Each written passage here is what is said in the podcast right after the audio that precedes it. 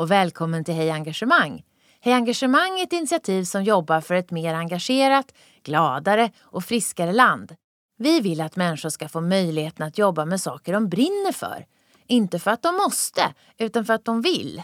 Tillsammans kan vi skapa bättre förutsättningar för ett ökat välmående och lönsamma prestationer. Med Hej Engagemang får du träffa inspirerande personer som ger tips och insikt i hur du kan nå bättre resultat på jobbet och samtidigt må bättre. Nu kör vi! Hej alla lyssnare och välkommen till ett nytt avsnitt. Beata Wickbom heter jag och är er programledare. Idag ska vi prata om att skapa engagemang för ett livslångt lärande. Och jag säger varmt välkommen till Bella Funk som är expert på lärande, medgrundare till Colearn och tidigare mångårig medarbetare och utvecklingsansvarig på utbildningsföretaget Hyper Island. Hej, tack så jättemycket för att jag får vara här. Du är expert på lärande, hur människor lär sig. Berätta mer. Vad är det du är expert på då? Eh, jag är expert på eh, hur man kan skapa förutsättningar för folk att lära sig.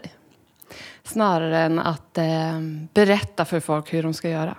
Och du och ett antal kollegor hoppade av Hyper Island i höstas för att skapa Colearn, ett bolag.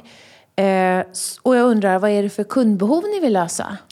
Ett stort skifte som vi ser nu, det är ju att eh, behovet att skifta lärande eh, ligger väldigt starkt på både skolor och på företag.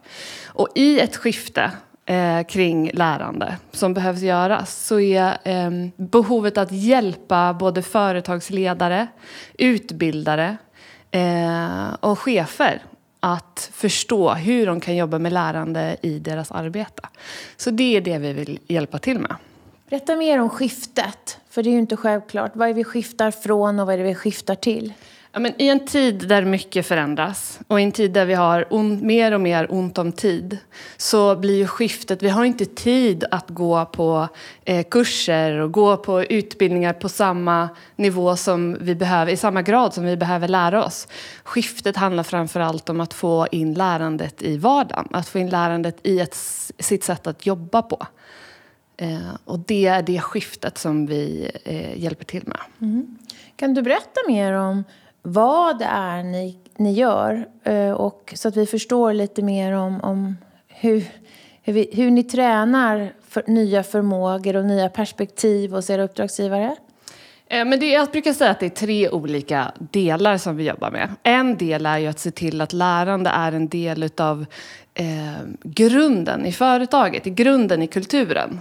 Eh, och inte någonting som kommer in från sidan. Utan någonting som man faktiskt ser som ett sätt att förhålla sig till hur man jobbar.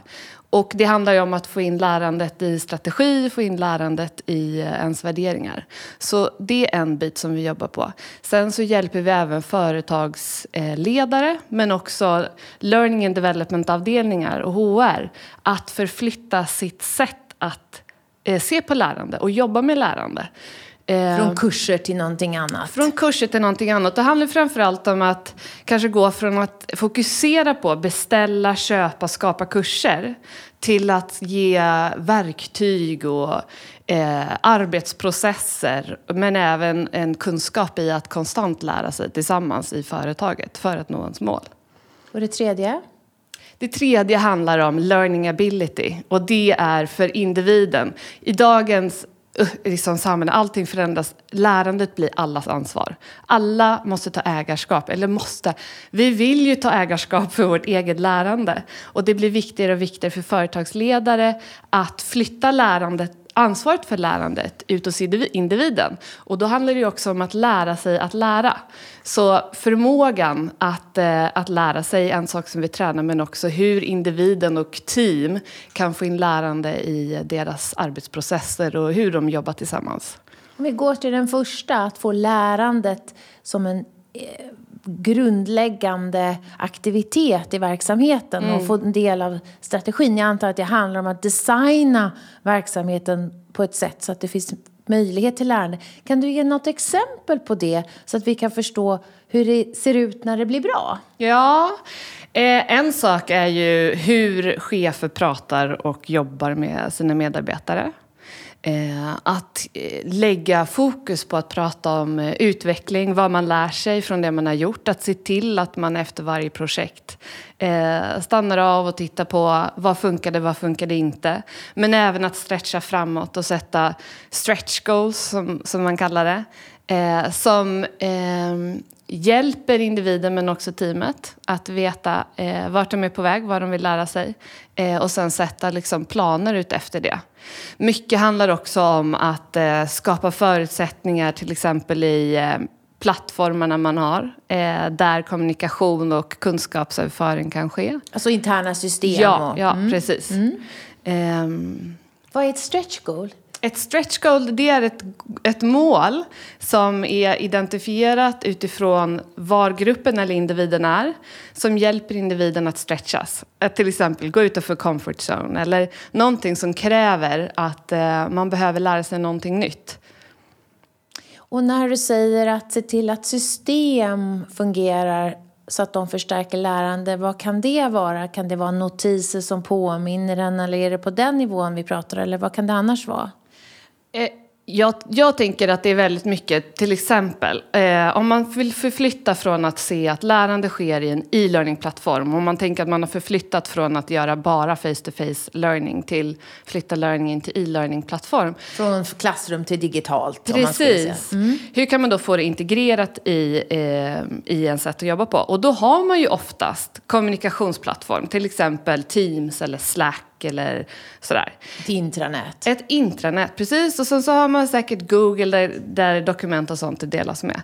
Att få in i beteendena där att man delar kunskap med varandra. Att man eh, eh, ja, men delar länkar, att man ställer frågor, att man ber om hjälp. Att man får in det i beteendena. Eh, det, det är en sån liksom, viktig grej skulle jag säga. Tänk vad mycket det är i vårt arbetsliv som handlar om beteendeförändring. Hela tiden. Ja. ja.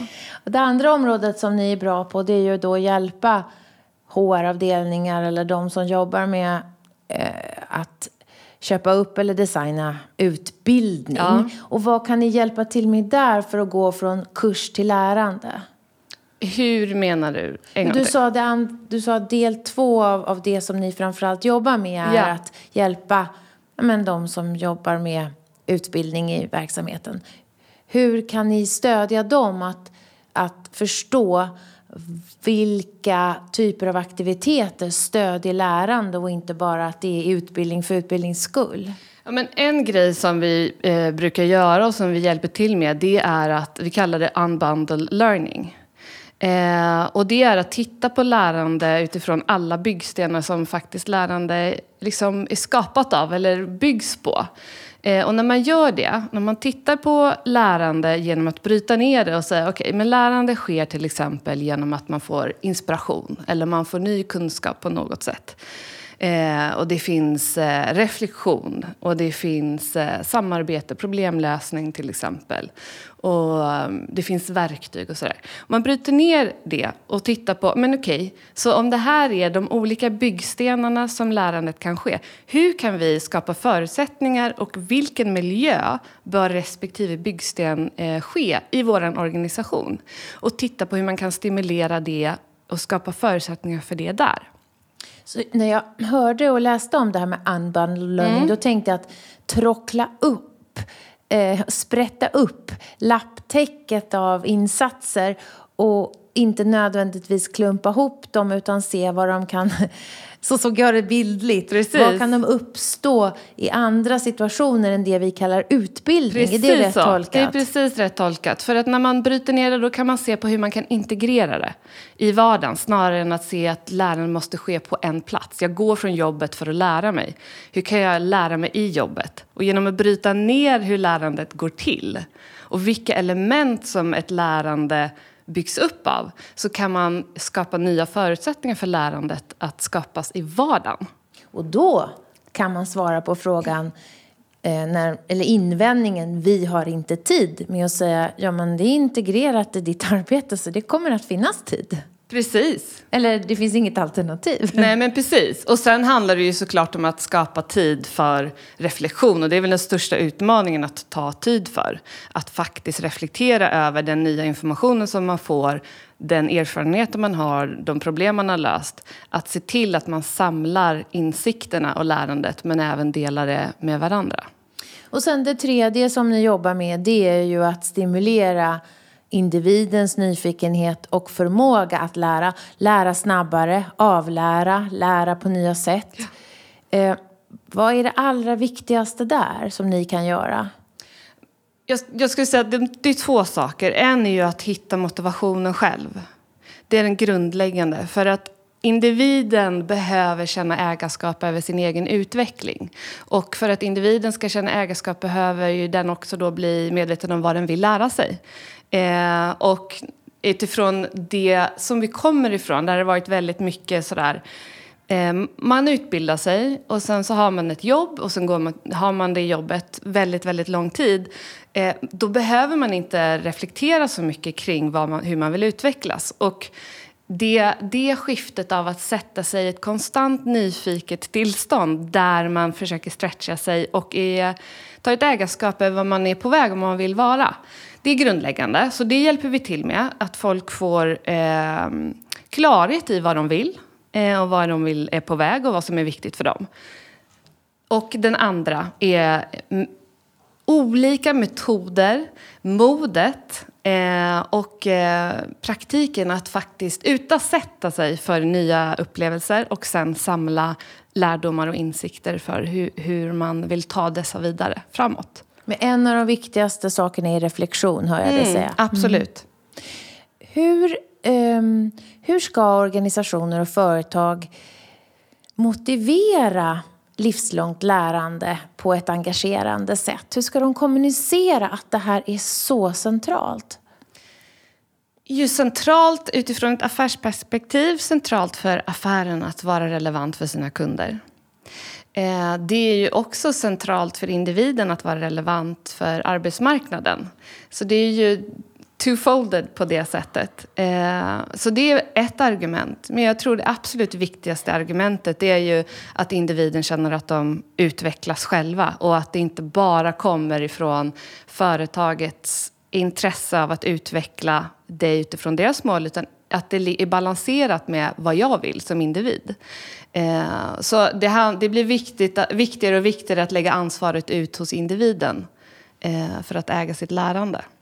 Och det kan jag ju säga att där man ju ser ändå Deloitte eh, har tagit fram en eh, research som visar att eh, 87 procent är villiga att lämna sitt jobb om de inte känner att de utvecklas. Så det är ju väldigt fundamentalt i oss.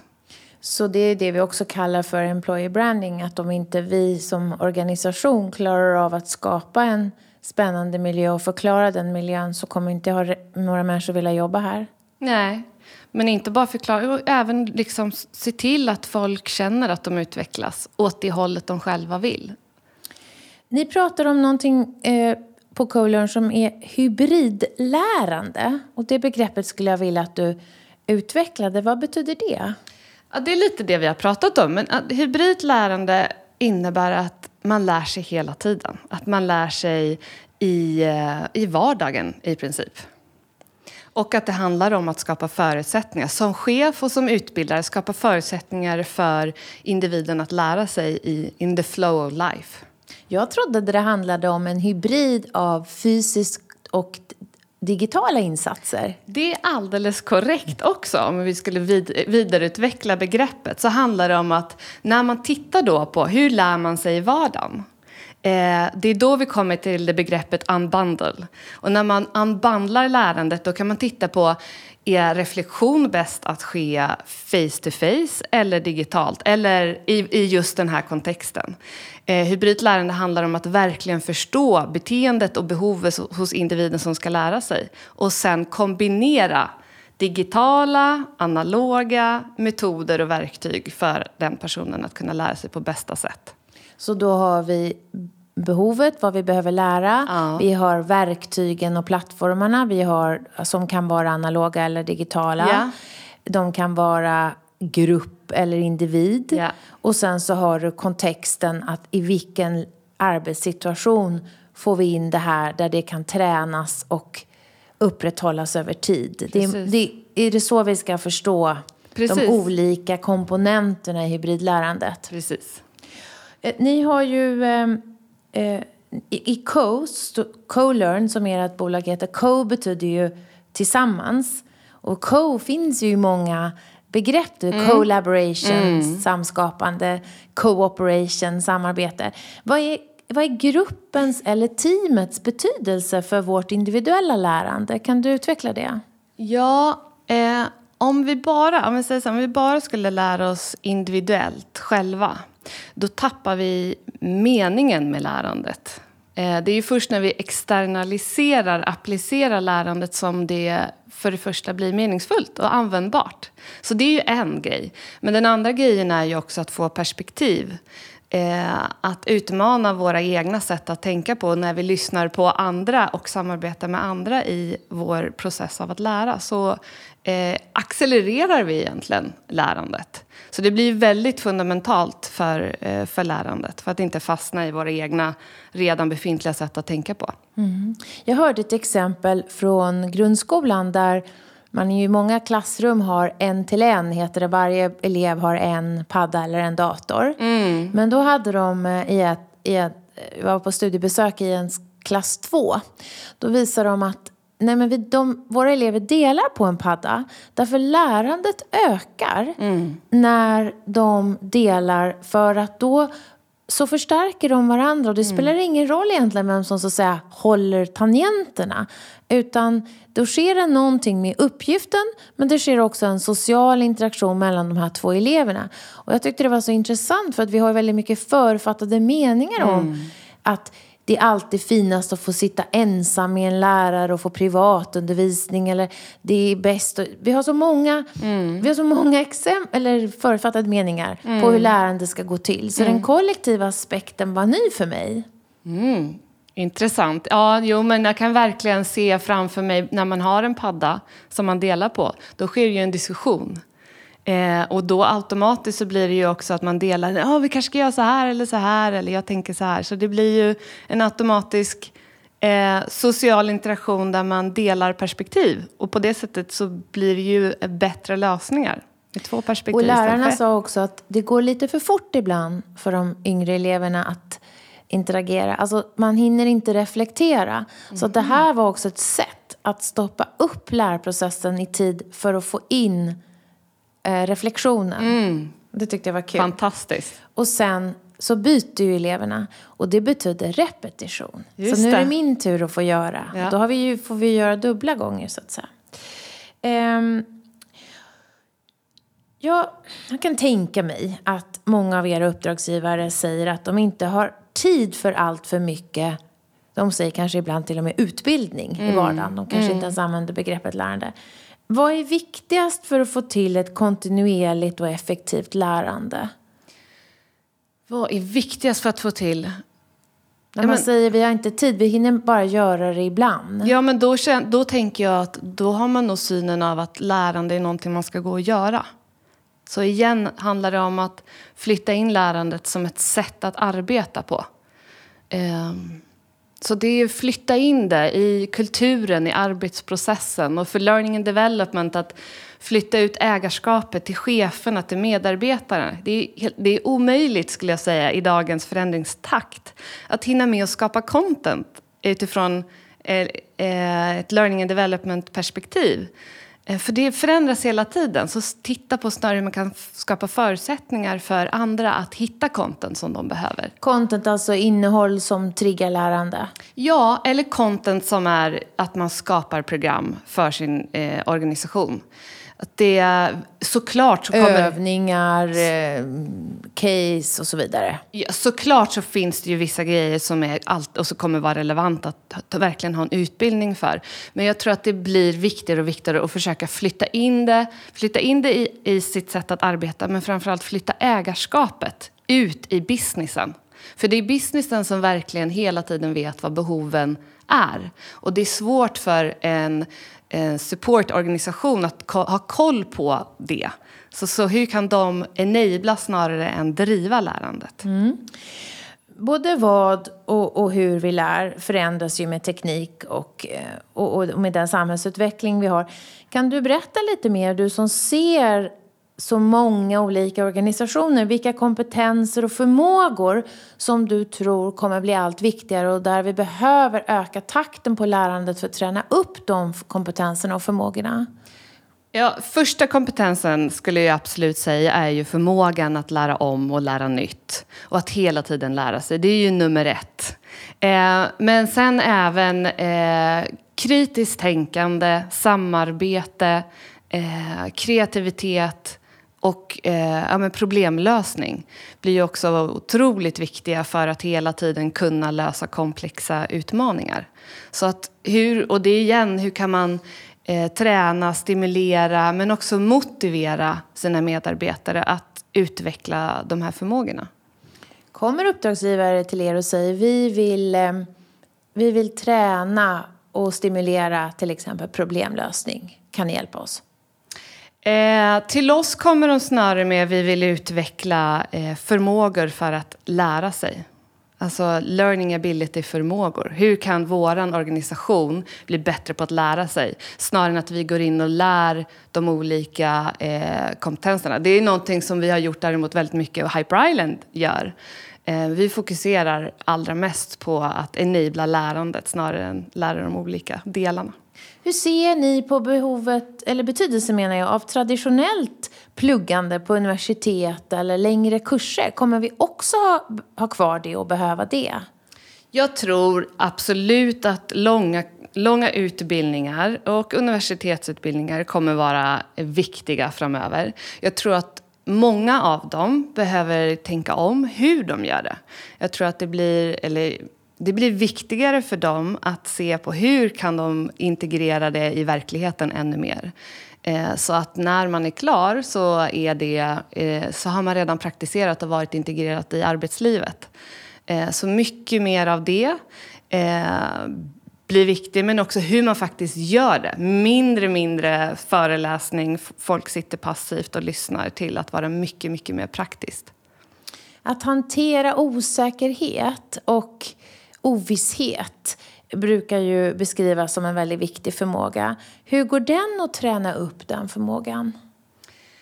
Eh, genom att eh, vara i det, genom att normalisera det eh, och eh, prata om det. Och det normaliseras ju genom att prata om det.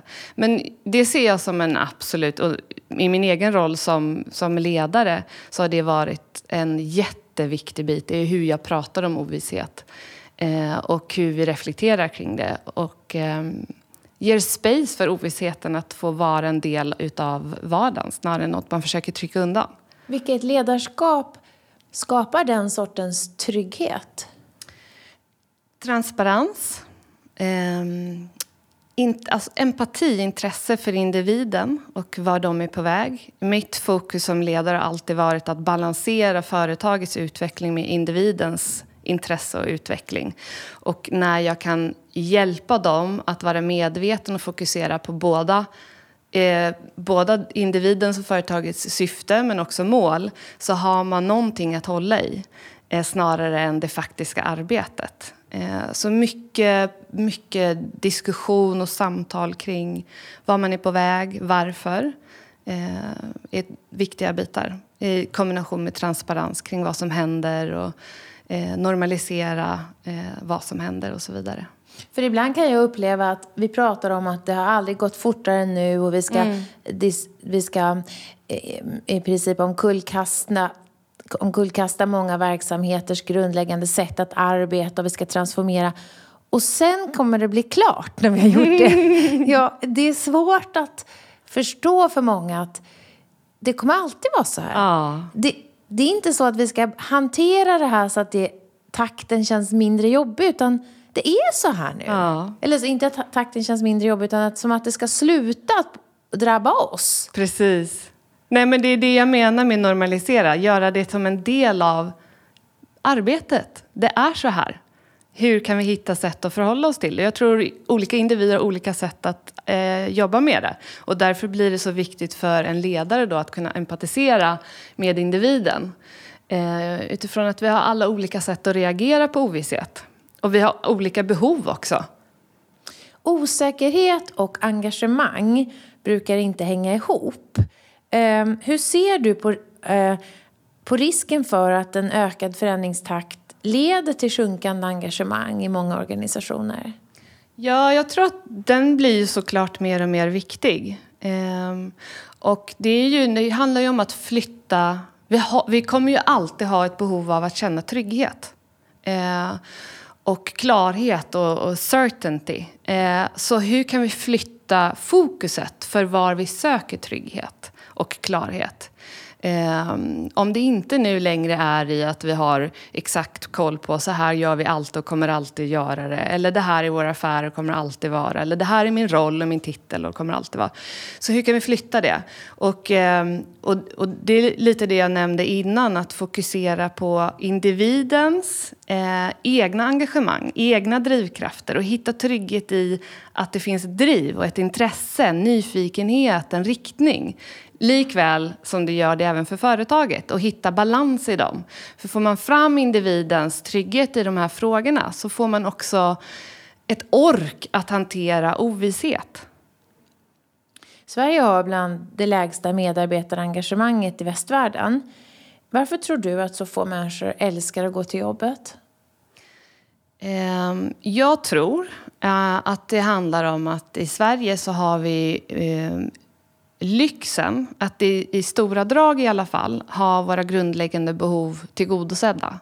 Så vi har mat och vi har boende och vi har liksom i stora drag eh, liksom, någon typ av trygghet här i Sverige. Och det gör ju att våra behov, i behovstrappan så flyttas det upp till liksom självförverkligande. Och har vi inte tidigare i livet fått verktyg för att träna på att eh, ja, men jobba med de frågorna, eh, att hantera det, då blir ju det då är man ju kvar i, i, liksom, i samma läge som innan och blir förvirrad, orolig. Det är svårt att ta ägarskap för att faktiskt jobba med självförverkligandet. Och det är därför jag går mycket tillbaka till individens drivkraft, individens motivation och så vidare. Hur ser du på kopplingen engagemang och lärande? När jag lär mig och när jag vet vad jag eh, vill lära mig så ökar mitt engagemang. Och det har jag även sett forskning på. Att eh, det var eh, en forskning som eh, pratade om begreppet heavy learners. Heavy learners var definierat som en person som spenderar fem timmar i veckan på att lära sig. Liksom, antingen genom att gå och lära sig eller genom att verkligen aktivt lära sig på jobbet. Och det visade på att deras engagemang och deras, deras engagemang ökade, deras stressnivå sjönk, deras känsla av att vara produktiv och framgångsrik ökade jättemycket. Så det finns ju direkt koppling till utveckling ökar engagemang. Så kan man stimulera det så får man definitivt engager mer engagerade medarbetare i organisationen. Vad härligt att det finns den kopplingen och att det är beforskat. Ja. Ehm, kan du ehm, prata mer om vilka teknologier och nya verktyg som kan komma att hjälpa oss att lära snabbare och bättre? För du är ju också väldigt nyfiken på ny teknologi vet jag. Ja, absolut. Eh, om vi tänker här i närliggande tid så är det ju dels titta på bara cloud, cloud-tekniken och hur de teknikerna kan hjälpa en att dela kunskap i organisationen. Och hur man kan se till då att hela organisationen har samma typer av eh, intranät för, för kunskapsdelar på det sättet. Att alla resurser blir gemensamma, att alla Precis. har tillgång till allt. Och, det, att det finns en transparens i det systemet. Precis, jätteviktigt. Jag tror att har man inte det så behöver man inte tänka på någon annan teknik just nu. Utan se till att den finns på plats och att man har ett sätt, en struktur för att dela tidigare arbete, tidigare lärdomar och eh, allting sånt. Så att man inte behöver återuppfinna hjulet eller missa redan befintliga lärdomar. Så den är ju fundamental i kombination med eh, kommunikationsverktyg som eh, Slack och Teams eller liknande verktyg som gör att kommunikation och lärande eh, sker hela tiden. Så hur kan man, det är ju en sån enabler, hur kan man skapa förutsättningar för det att ske i, i vardagen? Sen kan man ju titta jätte, alltså, längre fram och se hur AI och... Jag gör det, titta lite längre fram. Om kring ja. teknologier som AI och preskriptiv analys. Och... Ja, men det finns ju, AI skulle ju såklart, kan ju såklart lära oss att lära snabbare genom att vi kombinerar människans lärande eh, kollektivt i hjälp, med hjälp av AI eller annan liknande teknik. Jag tänker också på talanalys och samtalsanalys eh, som blir jätteviktig för att se beteendeförändring till exempel och som kan stimulera lärandet på det sättet. Och man kan se vad folk pratar om, hur folk pratar med varandra, vilka de pratar med och så vidare. Eh, som är en annan trigger för lärande. Så att vi skulle kunna ha ett möte och så hade vi AI-förstärkt AI-förstärkt talanalys som sa nu pratar ni bara om det här men vi ser inte i vardagen att något lärande kring det här sker. Eller ja, nu har ni upprepat det här 22 gånger och, ingen, och det finns stor förvirring kring det här. Eller, är det så du menar? Ja men precis, man får direkt instant feedback med de två teknikerna tillsammans. Och vad tror du är bästa kombon? Eh, fysisk möte, fysisk interaktion och digitala verktyg. Kan du, som det där hybridlärandet, mm. hur, hur designar vi det så att vi använder den mänskliga kreativiteten och förmågan på bästa sätt eh, ansikte mot ansikte? Precis. Eh, Ja, det är där unbundle blir väldigt bra också. Att unbundle-tänket blir väldigt bra. För då tittar man, bryter ner lärandet och tänker okej, okay, när vi ska samarbeta eh, för den här gruppen, vad är de bästa förutsättningarna eh, för det? Är det när vi är online eller är det när vi är i samma rum? Eh, och sen så bestämmer man det utifrån det behovet och den förutsättningen. För eh, eh, inspiration är det bäst att samla människor för att bli inspirerade? Eller kan de bli inspirerade på egen tid? Kan man kanske göra det digitalt? För det är en princip som jag brukar tänka alltid själv är att när vi samlar personer på en och samma plats vad är det bästa sättet att använda den tiden på? Oftast så är det ju eller jag skulle säga att då är det eh, co-learning. Då är det att man får lära sig av varandra och dela perspektiv och reflektera och samarbeta. Kanske är mindre så att sitta passivt och lyssna på en person som säger en sak. Det hade de lika gärna kunnat se eh, från en video eller läsa och sen komma och ta med sig lärdomarna. En video från världens bästa person som Dessutom. kan jobba med det. Precis. Och det ser vi i skolan, för er som inte känner till, så undersök det som heter flippat klassrum eller det omvända klassrummet där eleven får en video med någon som inspirerar innan, och sen, mm. innan lektion och sen har man lektionen eller samtalet till just samlärande och reflektion. Um, kan vi prata lite mer om betydelsen av reflektion och uh, vad dina erfarenheter är? Hur, hur viktigt är det? Eh, forskning visar ju för att lärande ska vara långsiktigt och att man faktiskt ska lära sig någonting så behövs eh, ägande, säger man. Och ägande är, betyder i det här fallet då att man äger sin upplevelse. Man äger sin upplevelse genom att reflektera kring vad betyder det? Eh, vad kan jag lära mig från det och hur kan jag applicera? Man kontextualiserar sin upplevelse. Utan den eh, så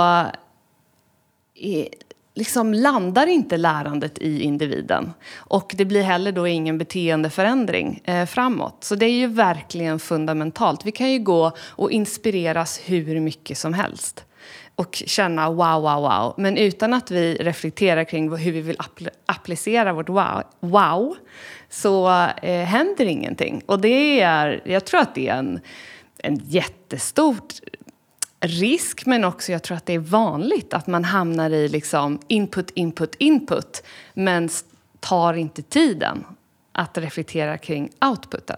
Mm. Jag tänker ofta på det om jag har fått till det och hållit något föredrag och så kommer någon efteråt och säger vad bra det var. Mm. Och säger vad var det du tyckte var bra? Eh, ja. och då, det var en kort reflektionsstund hade ju fått den där ja. inspirationen att fastna lite bättre. Det krävs inte jättemycket. Det gör inte det, men det är så lätt att inte ta den tiden. Jag hinner inte.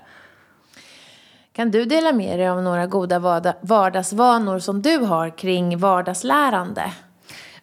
Jag reflekterar mycket. Jag är en reflektionsjunkie. Så jag reflekterar mycket kring mina eh, upplevelser, min, också mina känslor, vad som håller mig tillbaka från att lära.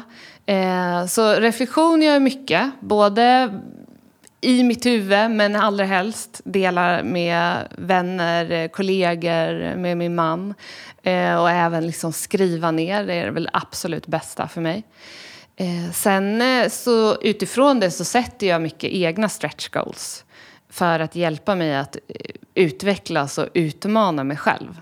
Det är så himla lätt och självklart så, så sker det utan att man är medveten om det. Det är väldigt lätt att man fastnar i sina egna sanningar.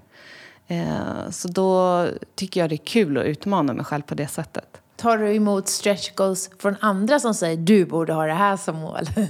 ja, men ibland så ger vi varandra utmaningar i teamet. Eh, give you a challenge brukar vi säga till varandra. Eh, och det tycker jag det är kul att få det. För då får man ju utifrån en annans perspektiv. Eh, och sen får ju jag säga vad jag känner för det såklart. Vad tänker du när jag säger medarbetarengagemang? Vad betyder det för dig? För mig betyder det en person eller en organisation med medarbetare som vill gå till jobbet. Som vill eh, göra det de är, liksom, är där för att göra. Man har kul. Vad är bästa sättet att höja medarbetarnas engagemang? Att eh, skapa utrymme för dem att ta ägarskap. Eh, igen, att hjälpa dem att veta vad de vill få ut av arbetsplatsen och jobbet. Eh, att, eh, att man tillåter människor att få vara människa på jobbet. Att inkludera helheten av liksom, allt vad det innebär. Eh, inte bara att man går dit och är som en robot utan att man faktiskt skapar förutsättningar för varandra att connecta. Att lära känna varandra. Ehm, och att man vet vad man, eh, vad man ska göra, alltså var, varför man är där. Vad är syftet med affären och målet? Eh, låt oss prata lite om dig. Vad går du igång på när du jobbar? Jag går igång på personens utveckling. Eh, otroligt mycket. Det är väl grunden till varför jag gör det jag gör och varför jag har gjort det länge. Eh, jag går igång på när man ser möjligheter av att tänka om och tänka nytt. Jag tycker det är fantastiskt roligt när en grupp människor hittar ett nytt sätt att se på en situation som får dem att lösa problemet på ett bättre sätt eller möta kunden på ett mycket mer relevant sätt eller eh, ha större impact. Eh, så utmana, utmana assumptions. Eh, antaganden. Och, antaganden, tack. Och, eh, och utvecklas. Det går jag igång på. Jag ryser lite för jag gör också det. ja, det kan jag tänka mig. Vad har du för tankar kring ditt eget ledarskap kopplat till teamet och deras engagemang? Och ditt eh, ansvar också som ledare? Jag ser ju att det är jättestort. Just nu i, vår, i Colarn så har vi inte sådana roller. Vi, eh, vi har jobbat ihop så många år. Vi jobbade ihop på Hyper Island som du sa. Eh, så vi behöver inte riktigt ha det än. Sen får vi se om vi växer och vad vi gör då. Men i mitt tidigare, eh, min tidigare jobb på Hyper Island som utvecklingschef, då såg jag det som grundläggande. Eh, om mina medarbetare inte var engagerade så behövde, ville jag hjälpa dem att hitta eh, deras ansvar i vad de vill göra med det. Det kan ju vara så att de inte längre vill vara där och då är det viktigt för dem och för företaget att de inte är där. Så, men sen även skapa liksom en miljö, en kultur där teamet vill komma. Eh, det kände jag var ett av mina absolut viktigaste uppdrag. Hur hanterar du oengagemang? Med ärlighet. Ehm, jag skulle prata med personen och berätta, spegla vad det är jag ser och fråga hur jag kan hjälpa till eller vad personen behöver. Ehm, för ibland kan det ju vara lätt att lösa. Ibland kan det ju vara en omedveten engagemang. Man vet inte varför man är oengagerad och genom att få prata eh, så hittar man lösningar framåt. Så samtal och eh, öppenhet är är viktigt tycker jag. Vad skulle det göra dig till en ännu bättre ledare? Eh, ja, eftersom jag är en utvecklingsjunkie eh, så behöver jag bli bättre och alltid utmana mig själv i att liksom eh, följa upp och inte bara fokusera på det nya. Eh, så det är någonting jag jobbar med konstant. Eh, jag kommer liksom inte bli färdig. Jag är som jag är, men jag behöver, behöver träna alltid på det. Och det är med reflektion? Nej, inte reflektion, utan mer så här, vad var det vi sa att vi skulle göra? Eh, det som Hålla kanske... dig till planen? Ja, men lite så. Jag, kan, eh, jag, ser, jag lever mycket i potential och framtid och kan driva eh, framåt väldigt mycket. Och jag är väldigt bra på det. Men det gör ju också att jag eh, har då en utmaning med att hålla mig till det som, är, som redan är och som bör vara här. Eh, så att, ja, det, det behöver jag jobba på. Hur mäter du framgång i det arbete som du gör nu? Eh, det är en intressant fråga. Eh, för att vi har precis, eller inte precis, men ganska nyligen behövde vi omdefiniera det. Eh, vi, eh, vi, I början när vi startade så utgick vi väldigt mycket utifrån vad vi per automatik, vad vi såg hände runt omkring oss. Och vi satte upp mål efter det. Och sen insåg vi att vi tappade motivation. Eh, och då började vi prata om det och så insåg vi att vi hade ju satt upp mål som inte var direkt kopplat till också vad vi ville. Eh, så vi omdefinierade Utan vad det. ni borde hålla på vad med? vi borde göra. Och det var liksom så här, ja men i startup, men då ska vi väl växa snabbt. För det är väl så man ska göra. Men en av grundanledningarna till varför vi startade var att ha frihet eh, och flexibilitet. Och vi designade inte våra liv efter när vi satte de målen, så vi satte nya mål. Och vi kanske ändrar det eh, och går tillbaka till de första målen vi satte igen, det får vi se. Men just nu så eh, är framgång eh, för oss att vi eh, skapar värde, att vi hjälper företag men även skolor att modernisera lärande. Men sen att vi har eh, liv där vi mår bra, där vi är balanserade och utvecklas. Liksom. Vi vet ju som jag var inne på innan enligt en gallupundersökning att många svenskar går inte till jobbet för att de vill utan för att de måste och engagemanget eh, har sitt pris. Eh, det är både sjukskrivning, det är mindre innovation och, det led, och, och, och engagemang leder också till mindre lärande och be- sämre resultat i Ja. olika verksamheter. Sista frågan som jag brukar ställa är om du var engagemangsminister vad skulle du fokusera på för att höja engagemanget på svenska arbetsplatser? Gud, vilken Tänk dig som en spännande fråga. person. Ja, En som hade en trollstav och kunde påverka. Ja, nej, men jag tillbaka till det jag pratade om mycket under vårt samtal. Och det är att eh, om jag skulle kunna magiskt sett få folk att hitta sin egen drivkraft i vad de vill, då tror jag att det skulle lösa det mesta. För då så hittar man lösningar för att eh, leva med den, liksom, få utlopp för den drivkraften. Så det är, en- jag skulle säga att det är nummer ett. Det här var jätteroligt att ha dig med. Tack så mycket Bella Funk. Tack så jättemycket Beata. Och tack alla ni som har lyssnat. Vi hörs i nästa avsnitt. Vi hoppas att vi har väckt tankar om hur du kan bidra till ett mer engagerat Sverige. På hejengagemang.se kan du hitta mer inspiration och tips kring hur du som individ, ledare och organisation kan jobba för att skapa ett ökat engagemang, välbefinnande och nya resultat. Tack för att du har lyssnat!